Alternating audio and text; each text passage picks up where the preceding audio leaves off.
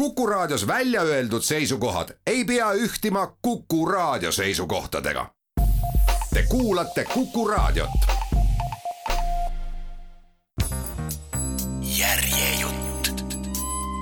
Jari Järvele kahele poole koske Loomingu Raamatukogult tõlkinud Kadri Jaanits.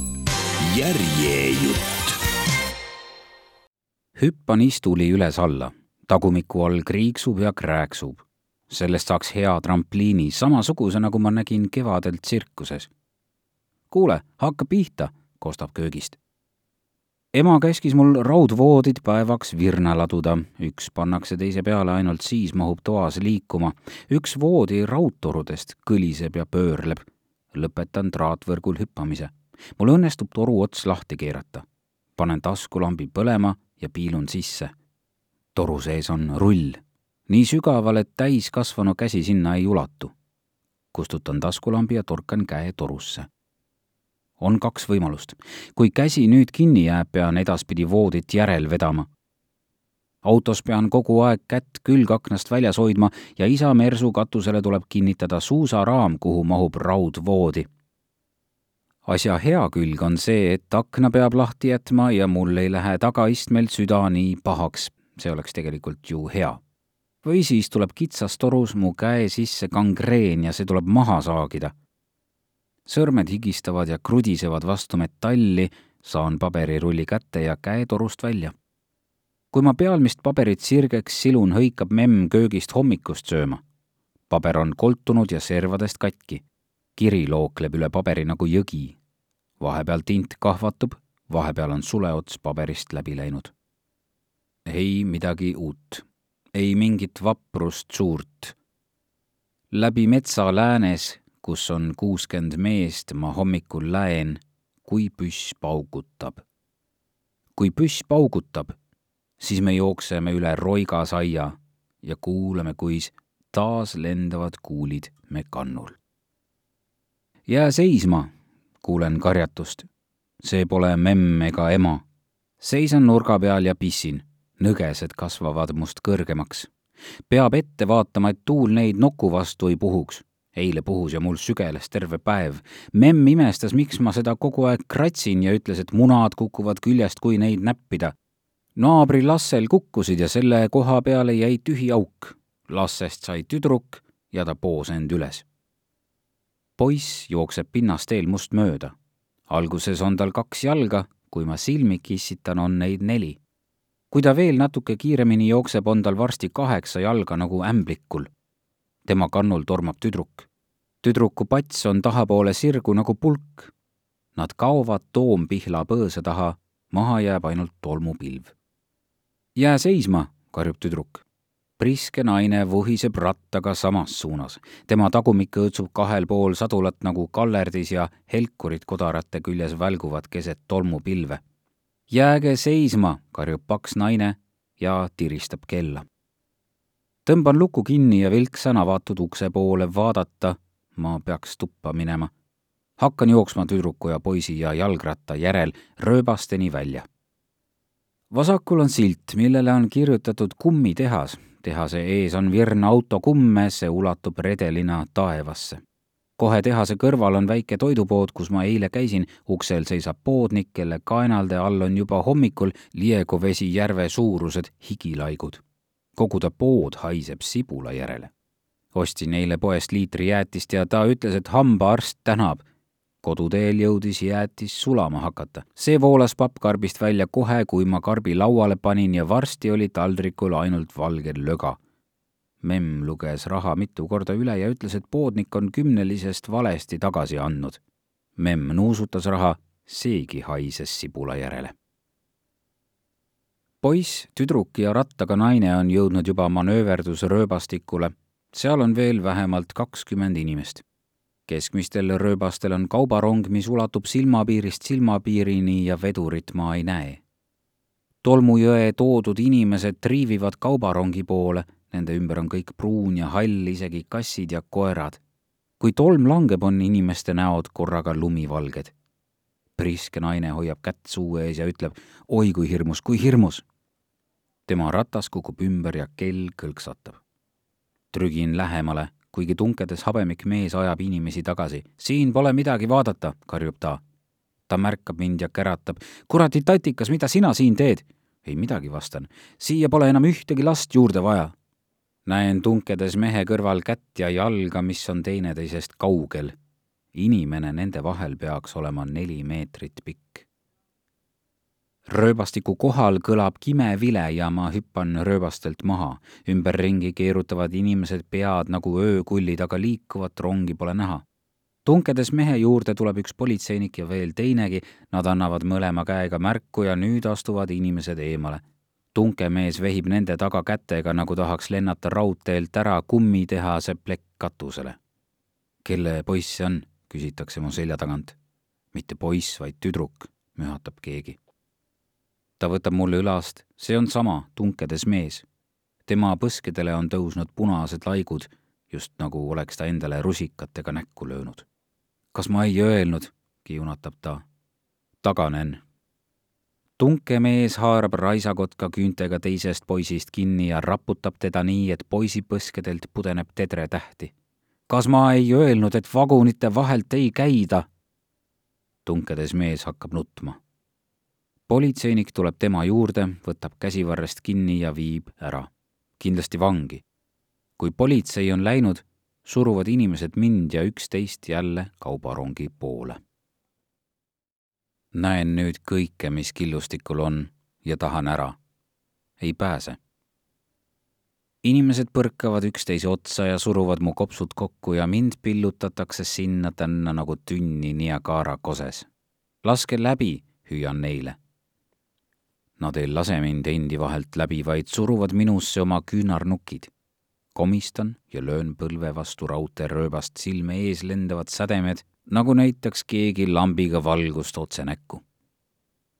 priske rattaga naine tõstab mu üles ja pigistab tisside vahele. oh sa pojukene, ütleb ta, nuta aga nuta.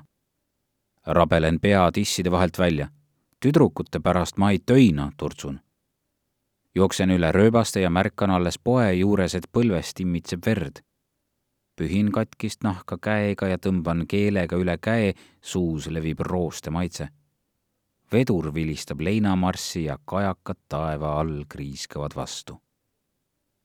poe ja kummitehase vahele on pargitud politseiauto, mille kõrvale veereb parasjagu must Volvo. alguses keerab juht liiga lähedale ja ei saa ust lahti ta peab tagurdama ja uuesti proovima. isa vangutab selliste juhtide peale alati pead. inimesi voorib kogu aeg mööda pinnasteed ja üle rööbaste sündmuskohale. Surnuautost poeb kõigepealt välja kõht ja seejärel ülejäänud mees. mustas ülikonnas kiilas pea sülgab maha, käe otsas õõtsub rauapoe kilekott mõni viieaastane võiks arvata, et kotis on kiirliim, millega kiilaspea võib tüdruku tükid nelja sekundiga kokku liimida. pinnasteel on haukudes vett, ühes väikses lombis sipleb lapsuliblikas. Ta pole sama kollane nagu suve alguses, siis säravad nende tiivad nagu banaanid. see liblikas on kahvatu nagu memme lina, mitu korda pestud ja tärgeldatud võtan linaliblika kätte, tiibades on auke, puhun neid kuivaks. liblikas püüab õhku tõusta, aga ei jaksa lennata kõrgemal kui minu põlve kõrgusel. õhk voolab sõel tiibadest läbi. meie kodutänavale Kouvalas pandi tänavu suvel asfalt ja ma sõitsin rattaga üle vedela pigi, nii et nüüd on seal igavesti rattakummijäljed memme juurde ei jõua asfalt kunagi. memm on öelnud, et tema on asfalteerimise nimekirjas alles pärast Saharat. hüppan üle kraavi memme õuele, vaatan, kuidas linaliblikas laperdab edasi ristmikule, küllap ta läheb värvitehasesse tiibu värvima. Lähen kaevust suure ringiga mööda nii kaua, kui ma mäletan, on mul keelatud avada kaevukaant, sest põhjast vaatavad vastu surnud lapsed ja kutsuvad enda juurde memm ütleb, et neist on vee peale näha ainult silmad nagu konnadel. astun tuulekotta, esikus on alati jahe, isegi kui õues oleks nelikümmend kraadi ja õues kivi peal võiks muna praadida. memm istub oma köögis väikse laua taga, tal on tool akna all ja ta lürbib alustassilt kohvi. Tassi ei raatsi memm kasutada, sel võib põhi alt ära kukkuda oli sul alles pikk piss, ütleb ema. ta on juba hommikust söönud ja istub kiiktoolis. kiiktool on minu vana-vanaisa Anselmi tehtud, ta oli Nälgelänmäe kõige osavam ehitaja. ta ehitas maja kiiremini, kui mina pissil käin.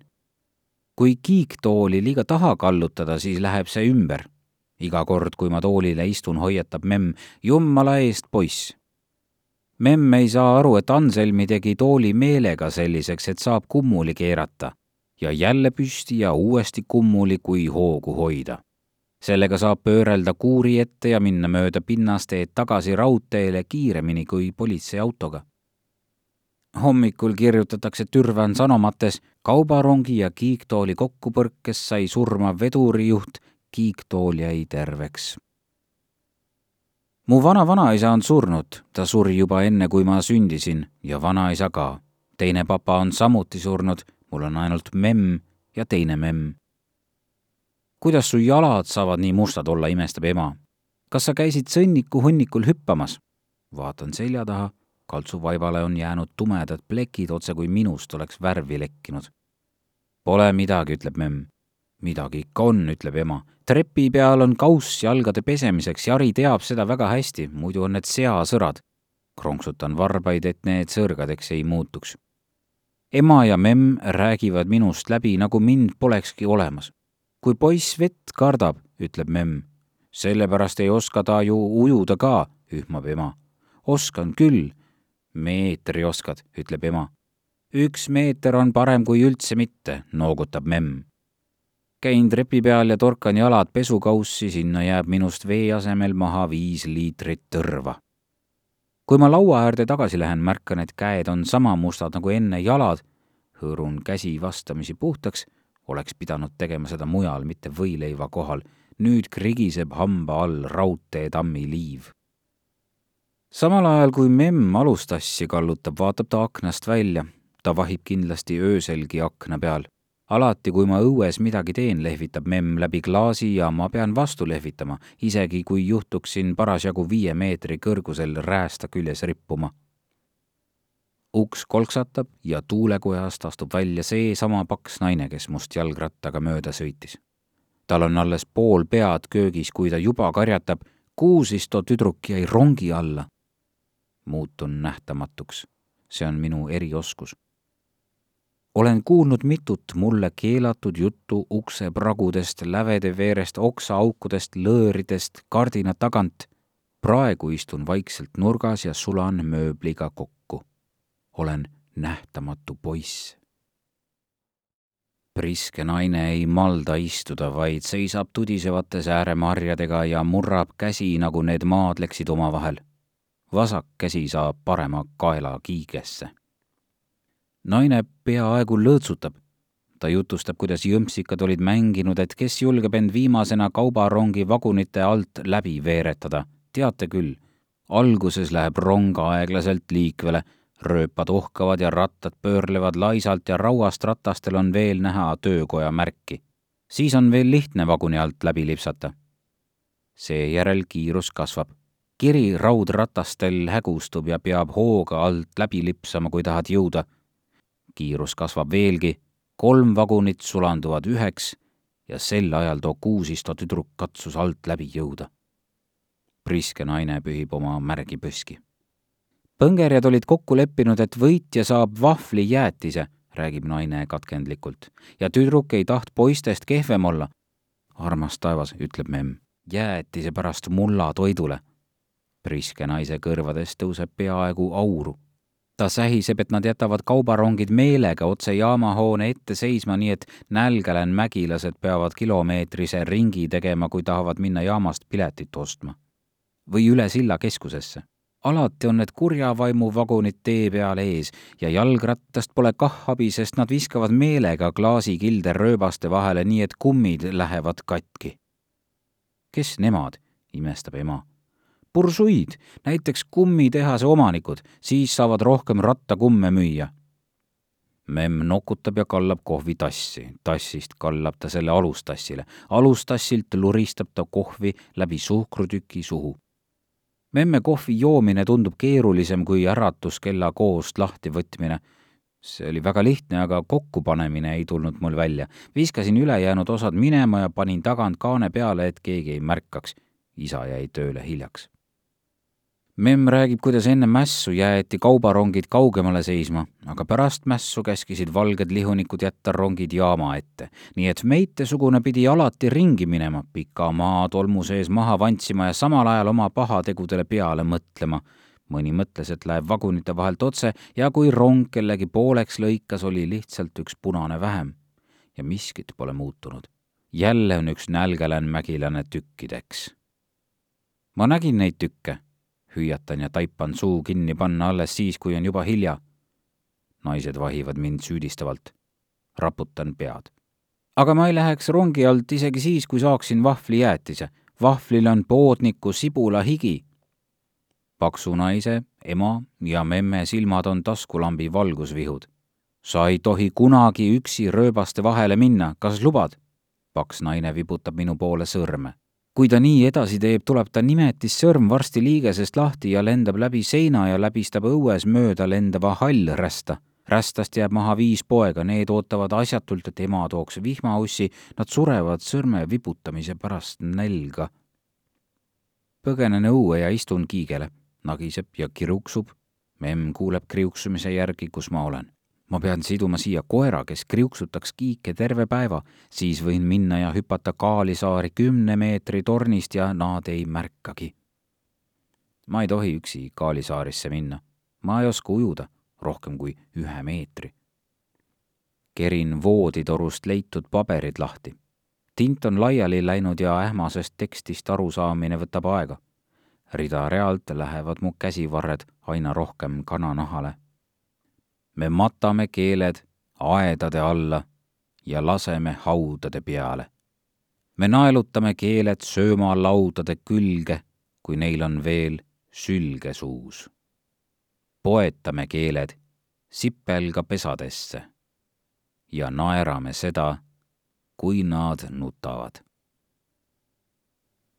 aiakiik seisab kõrge rohu sees, selle püstpuust turritab välja naela ots surun seda keelega. kui keegi nüüd selja tagant tõukab, läheb nael mu keelest läbi, kohkun ja astun eemale. hammustasin talvel Kelgumäel keelde, suu oli verd täis. istun kiigele ja lükkan hoogu, kiik koriseb ja vingub ja teeb häält, nagu oleks ta vanem puukuuri taga onnis elavast kortsulisest eidest. see eit on kõige vanem inimene, keda ma olen kunagi näinud ta kõnnib mõnikord üle õue, suusakepp käes ja susib kepiga ümberringi nagu nõiuks. ma küsisin ükskord tema vanust, ta ütles, et on Metuusala ema ja kõhistas naerda. ma ei suuda süveneda raamatusse, mis mul kaasas on. see räägib Jaapani lendurist nimega Saburo Sakai. alguses oli Saburo hävituslendur lõpuks anti talle ametikõrgendust ja tast sai enesetapulendur, kes saadeti kamikaase lennule alles pärast seda kirjutas ta raamatu. ma ei saa aru. õppisin kolmeaastasena lugema ja nüüd olen seitsmene. isa ütleb, et sinu vanune peab juba jagama, kuidas asjad on, sa pole enam titt. Kiik kidiseb ja kõõksub, nagu tal oleks suitsumehe köha. kimalane sumiseb mu suure varba peal, arvab, et varvas on lill. ema ütles eile, on ime, et kimalane suudab lennata, see pontsu ei tohiks üldse õhus püsida tiivad on liiga väiksed. on imelisemaidki asju kui kimalise lend, näiteks see, et kimalane peab mu musti varbaid lilleks. kui ta neid limpsib, saab ta mürgituse. Need on tema jaoks surmalill. memm käib ukse vahelt piilumas, ta lehvitab ja jätab ukse lahti. naaber õuel sahiseb põõsastes, seal elasid enne õde ja vend Herta ja Hermanni. Nad olid juba täiskasvanud, aga polnud kodust ära kolinud mõnikord küsis Hermanni möödujatelt, ega nad pole tema ema näinud. ema oli jätnud lauale sedeli, kus lubas varsti tagasi tulla. Hermanni käis suvel paljalt ringi, ta tõmbas noku peale kasetohust tuppe. Hermannil oli nurkadest sõlme seotud taskurätik peas ja ta jõi õunapuu all õega kohvi ja sõi maasikakooki. Hermannil ei olnud riiete ostmiseks raha Herta võttis kõik ta raha ära ja ostis endale selle eest läikpilte, peavõru ja kassettmaki. õed on sellised. mul on vanem õde. Kristiina ei ole siin, vaid nõbude juures. Nad kõik on minust mitu aastat vanemad ja ei tahtnud mind kaasa. Nad ütlesid, et lähevad diskole. ma näitasin neile õues, et oskan tantsida, nemad ainult vaatasid ja naersid kui nad autoga ära sõitsid, jooksin pinnasteed mööda järele ja Kristiina vahtis mind tagaaknast ja näitas keelt ja auto hüples treppi sõidetud teel. ma loodan, et õel hakkas autos paha ja ta oksendas tagaistme täis. mul läheb autos alati süda pahaks. memmed elavad Soome teises otsas ja kui me siia tulime, kestis sõit mitu tundi. igal pool olid järved ja ma palusin, et jääme seisma, ma tahan ujuma minna isa andis gaasi iga kord, kui ma suu avasin. ta hakkas üles lugema kõigi nende miljoni mööda vilksatava järve nimesid. milline jõgi millisest järvest välja voolab ja millisesse järve see jõgi suubub ja milline jõgi sellest järvest ja nii edasi, lõputult jõgesid, järvi, ojasid, tiike ja lompe, mis on teineteisega ühendatud. isa käskis mul kõiki nimesid järele korrata nii pidanuks ma oma halva enesetunde unustama ei tohi alla anda, ütles isa. me möödusime küünidest, need näitasid meile taguotsa. minu sõprade isad peatuvad suviti autoreisidel nendesamade järvede ääres. ujumispaus, kilkavad nad isad istuvad auto kapotile, nad teevad suitsu ja puhuvad suitsurõngaid, mis tõusevad aeglaselt kõrgemale ja kasvavad päikese suuruseks sel ajal, kui sõbrad partidega võidu sukelduvad minul on selle asemel tagaistmel süda paha. öögin ja kuulan, kuidas isa veeteid loetleb. voolav vesi on elu alusvedelik, läheb isa hoogu. me elame linnas, kus vett ei voola mujal kui kraanist. ainus piisk, mida ma õues näen, on männi vaigupiisk. vaik jääb lühkarite külge ja ema ütleb, et see rõivatükk pidaski su seljas peaaegu terve päeva vastu teel Kouvolast siia ilmus ootamatult meie ette põrisev traktor. põrin klappis kõhtu, nagu oleks seal pesumasin. traktori järel kärust läks lendu heinatuust, mis imes end mütsatusega meie tuuleklaasi külge. heinakõrred ronisid klaasi mööda üles, nad sosistasid mulle auto katuselt oksenda, oksenda. hüüdsin sõrmede vahelt, et jääme hästi korraks seisma. isa andis gaasi ja sõitis traktorist mööda politseinik viipas sirge lõpus punase-kollase kirju kettaga ja peatas meid. isa keris külgakna lahti. kas härral on natuke liiga raske jalg? küsis punapäine politseinik. ja endal veel lapsed autos, ai-ai, tulge härra, korraks meie tagaistmele. kui isa politseiautost tagasi tuli, põrnitses ta mind vihaselt ja prõmmis auto ust. trahv olla minu süü ta olevat kiirustanud minu pärast, et ma autot ära ei määriks isa mühatas ja sõitis edasi.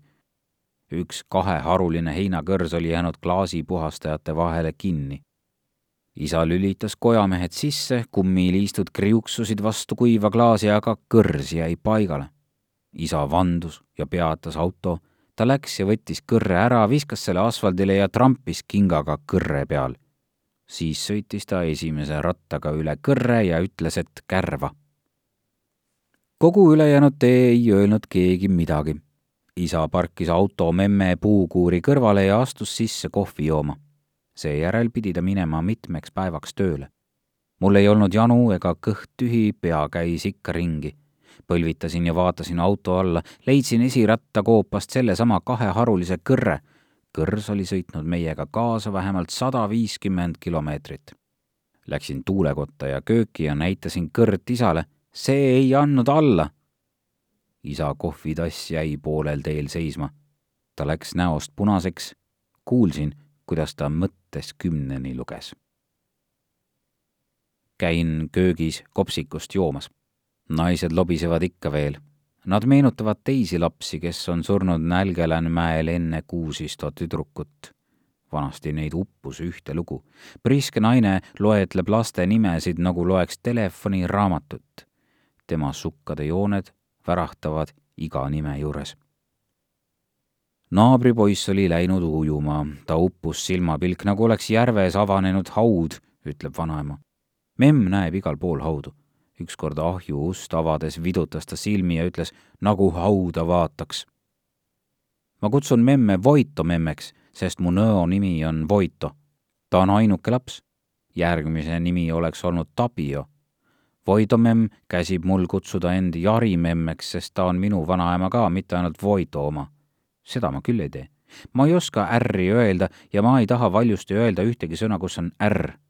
kui minu käest nime küsitakse, lasen õel öelda praegu on keerulisem, sest õde on tantsimas. kui keegi täna minu nime küsib, pean seintega kokku sulama ja kaduma. või siis ütlen mingi nime, kus ei ole ärri. ütlen, et mu nimi on Voito. Memm elab majas, mille ehitas tema isa. peale kummuli käiva kiiktooli on Anselmi ehitanud poole Nälgelänmäest. ema ütleb ikka, et Anselm minu ema susistab S-i, meie suguvõsas on kõnehäireid. ta ütleb tsitsel, mitte kissel ja aprikuus, mitte aprikoos. Nälgelän mäel liigub rohkem memmevanuseid naisi kui memmevanuseid mehi, mehed tapeti mässu ajal. Varem oli selle koha nimi Asemanmägi, aga pärast mässu sai sellest Nälgelänmägi. kellelgi polnud süüa ja valged ei andnud ja nii tuli jaama asemele nälg memm oli mässu ajal minust natuke vanem, tal oli väike õde, kelle patsi otsa olevat pandud kuljus, et ta ära ei kaoks. õed vaatasid käsikäes aknast, kuidas kaks naabrit viidi keldri seina äärde maha laskmisele. põmm, põmm, põmm, põmm, põmm, põmm. väikse õe kuljus kilksatas iga lasuga. memm ei olnud sel ajal memm, vaid väike tüdruk nimega Aino surnukehad jäeti külma kätte mustuma nagu kartulid. üks mahalastutest oli poiss, kes oli voolinud Ainole puust linnupoja. Aino meeldis talle. surnud poiss lebas lumelopa sees maas ja pigistas kätt rusikasse. Aino piilus aknast välja ega saanud peast mõtet, et peo sees on tilluke lind. Aino hiilis hämaras õue ja painutas poisi rusika ettevaatlikult lahti peos oli kägardunud foto poisi emast. poiss pidi üle nädala keldri seina ääres lebama, enne kui ta julgeti ära viia. nälgelen mägilased kartsid, et see on lõks, et kui keegi läheb surnukeha ära tooma, siis võetakse tema ka kinni ja lastakse sellesama samblase seina ääres maha. Nad eksisid, neid ei lastud seal maha. suurem osa viidi üle kose kohta, mille nimi oli Tünnürin mägi seal kamandati nad kanarpikkusele mäenõlvale rivvi. kõige hullem timukas oli ise olnud alguses punane. kui valged tulid, rebis ta punase lindi käsivarrelt maha, varastas pesunöörilt lina ja rebis selle otsast endale valge riba. Ta tervitas valgeid Nälgelänmäe servas avasüli ja pakkus paberossi. mehe nimi oli Ilola. Tünnürinmäel lasi Ilola maha ka Herta ja Hermanni ema seda kõike olen ma kuulnud nähtamatu poisina. praegu on Tünnürinmäel linnahaigla. selge see, ütleb memm. mägi januneb endiselt verd ja kaebleb öösiti, et kurk kuivab. kes laatsaretti satub, sureb kindla peale. minu memm ei ole elu sees päevagi haiglas olnud, ta keeldub sinna minemast. ta ei läinud isegi siis, kui tal oli kopsupõletik köögiaknal on klaasi asemel võrk, sinna on kinni jäänud kärbes, kes piriseb ja rabeleb. ema, memm ja priske naine rüüpavad kohvi. Nende jutt muutub mu kõrvus mulksumiseks ja nende suust tuleb õhumulle.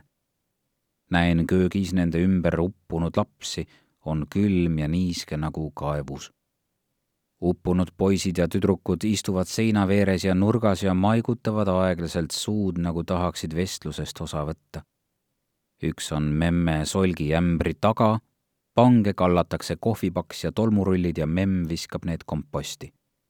memm ütles ükskord, et kompost on kohvipaksu ja tolmurullide pesa ja kui nad müravad, sünnivad vihmaussid. Kelle keel on söögilaua külge naelutatud, küsin. naised kohkuvad. memm pilgutab silmi. kust sa sellise asja peale tuled? kelle keel on sipelga pessa visatud, pinnin memm pühib silmi. kas sul on päiksepiste? küsib ema. mässu ajal, lisan. nüüd õue, poiss, ütleb priske naine. suve ei vaadata läbi klaasi, muidu tuleb surmatõbi. Minnes lehvitan uppunud tüdrukule. Voito memm arvab, et lehvitan talle. aidaa, ütleb ta. poen marjapõõsaste vahelt läbi, söstrad on poolenisti mustad, poolenisti valged. kivid kiviaias on selga tõmmanud sambla kasuka, teisel pool aeda on naabri maakelder tõusen kivivarule ja püüan läbi kõrge rohu näha, kas surnud on veel keldri tumeda seina veeres. Keegi neist võidi ju sinna unustada seal peavad igatahes olema paljad lohud maa peal, nad vedelesid seal surnuna mitu päeva ja rohi ei hakka sellise koha peal iialgi kasvama.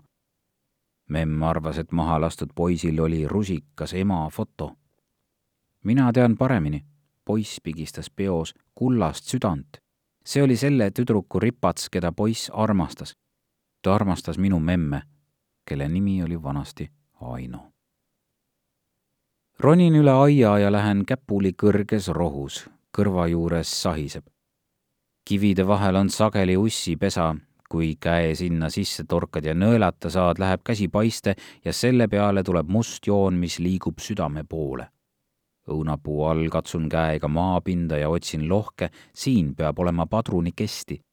leian ainult möödunud sügisest jäänud poolmädanenud õunu rooman kõhuli läbi lõikheina, lepatriinusid sajab kaela, sinna õue on keelatud minna, see on palju ohtlikum kui Herta ja Hermanni õu. kui mind praegu märgatakse, lastakse mind maha. keldri muldseina küljes on kuivanud vahtraleht. võtan lehe ära, selle all on peidus lohk. surun nimetissõrme läbi sambla kooriku ja tunnen midagi kõva. hingan sisse surun end kõvasti vastu võililli ja tõmban lühkarite taskust taskunoa. selle tera logiseb. Läinud suvel käendus tera iseenesest, kui ma seda vastu lauda surusin ja mu sõrm jäi vahele. oli mädakuu ja ma pidin sõrme kaks nädalat sidemes hoidma. pidin ujumistunnid pooleli jätma ja duši all tuli kätt hoida kilekotis siis tagusin ühel õhtul meie hoovi lastega palli ja side tuli lahti. kui ma kummardusin, et seda liiva pealt üles korjata, jooksis peksu sellest üle ja minust mööda ja lõi värava. meeskonnakaaslased kirusid mind pärast kogu ülejäänud mängu, iga mu sööt olevat olnud täiesti vale kodus ema ehmatas, miks side nii räpane on, ega sa ometi seda sõrme ümber tagasi ei pannud, Jari. sõrme tuleb kangreen, peab terve sõrme maha lõikama mulle ei teinud muret mitte kangreen, vaid see, et järgmise jalka ajal valitakse mind meeskonda kindlasti viimasena. enne seda jalka asja olin söönud kirsse koos kividega, isa nägi ja ütles, enam pole midagi teha, su kõhust kasvab nüüd välja kirsipuu. alguses ma naersin, aga isa oli nii pahane, et mul hakkas kõht valutama. nutsin, et ei taha, et minu sees kasvab puu isa sügas habemetüügast ja ütles, siis peab noa võtma ja kõhu lõhki lõikama ja kivid välja võtma. ma lubasin, et ei neela enam kunagi kirsikive alla, mitte kunagi. isa vangutas pead ja ütles, hilja juba, sul on kaks võimalust, kas kõhus hakkab kasvama puu või lõikame kõhu lõhki. ulgusin nii valjusti, et ema tuli isa peale susistama ja isa jättis järele. minu vanemad tahaksid olla kirurgid ema töötab kontoris, isa sõidab puude järel mööda Soomet pärivoolu ja vastuvoolu. ta on öelnud, et need on soome keele kõige ilusamad sõnad. taskunoa tera kõlksatab tuhmilt. kraabin auku suuremaks, ise varjan samal ajal nägu sügaval võilille mättas. naaber ei tohi märgata, et tema õues otsitakse varandust oleks pidanud võtma memme ahjust tuhka ja näo mustaks tegema tunnen, kuidas noatera midagi liigutab. loksutan seda välja nagu pindu sõrmest. naabri kardinad liigahtavad, seda teeb tuul. või siis sihib naaber kardinate tagant püssiga, loeb kolmeni ja vajutab päästikut. mu hingetõmbed sagenevad. keldri seina ääres tohib tulistada inimeste ja moosipurkide pihta. mu peopesale veereb august metallitükk. selle tipp on lapikuks läinud. see on kuul kuulil on pruun plekk. see on tolle poisi veri, kes andis Ainole laululinnu. keerutan kuuli peos, see on pealt täpselt sama auguline ja alt terav nagu minu hiljuti ära tulnud piimahammas. järjejutt. Jari Järvele kahele poole koske Loomingu Raamatukogult. tõlkinud Kadri Jaanits. Järjejutt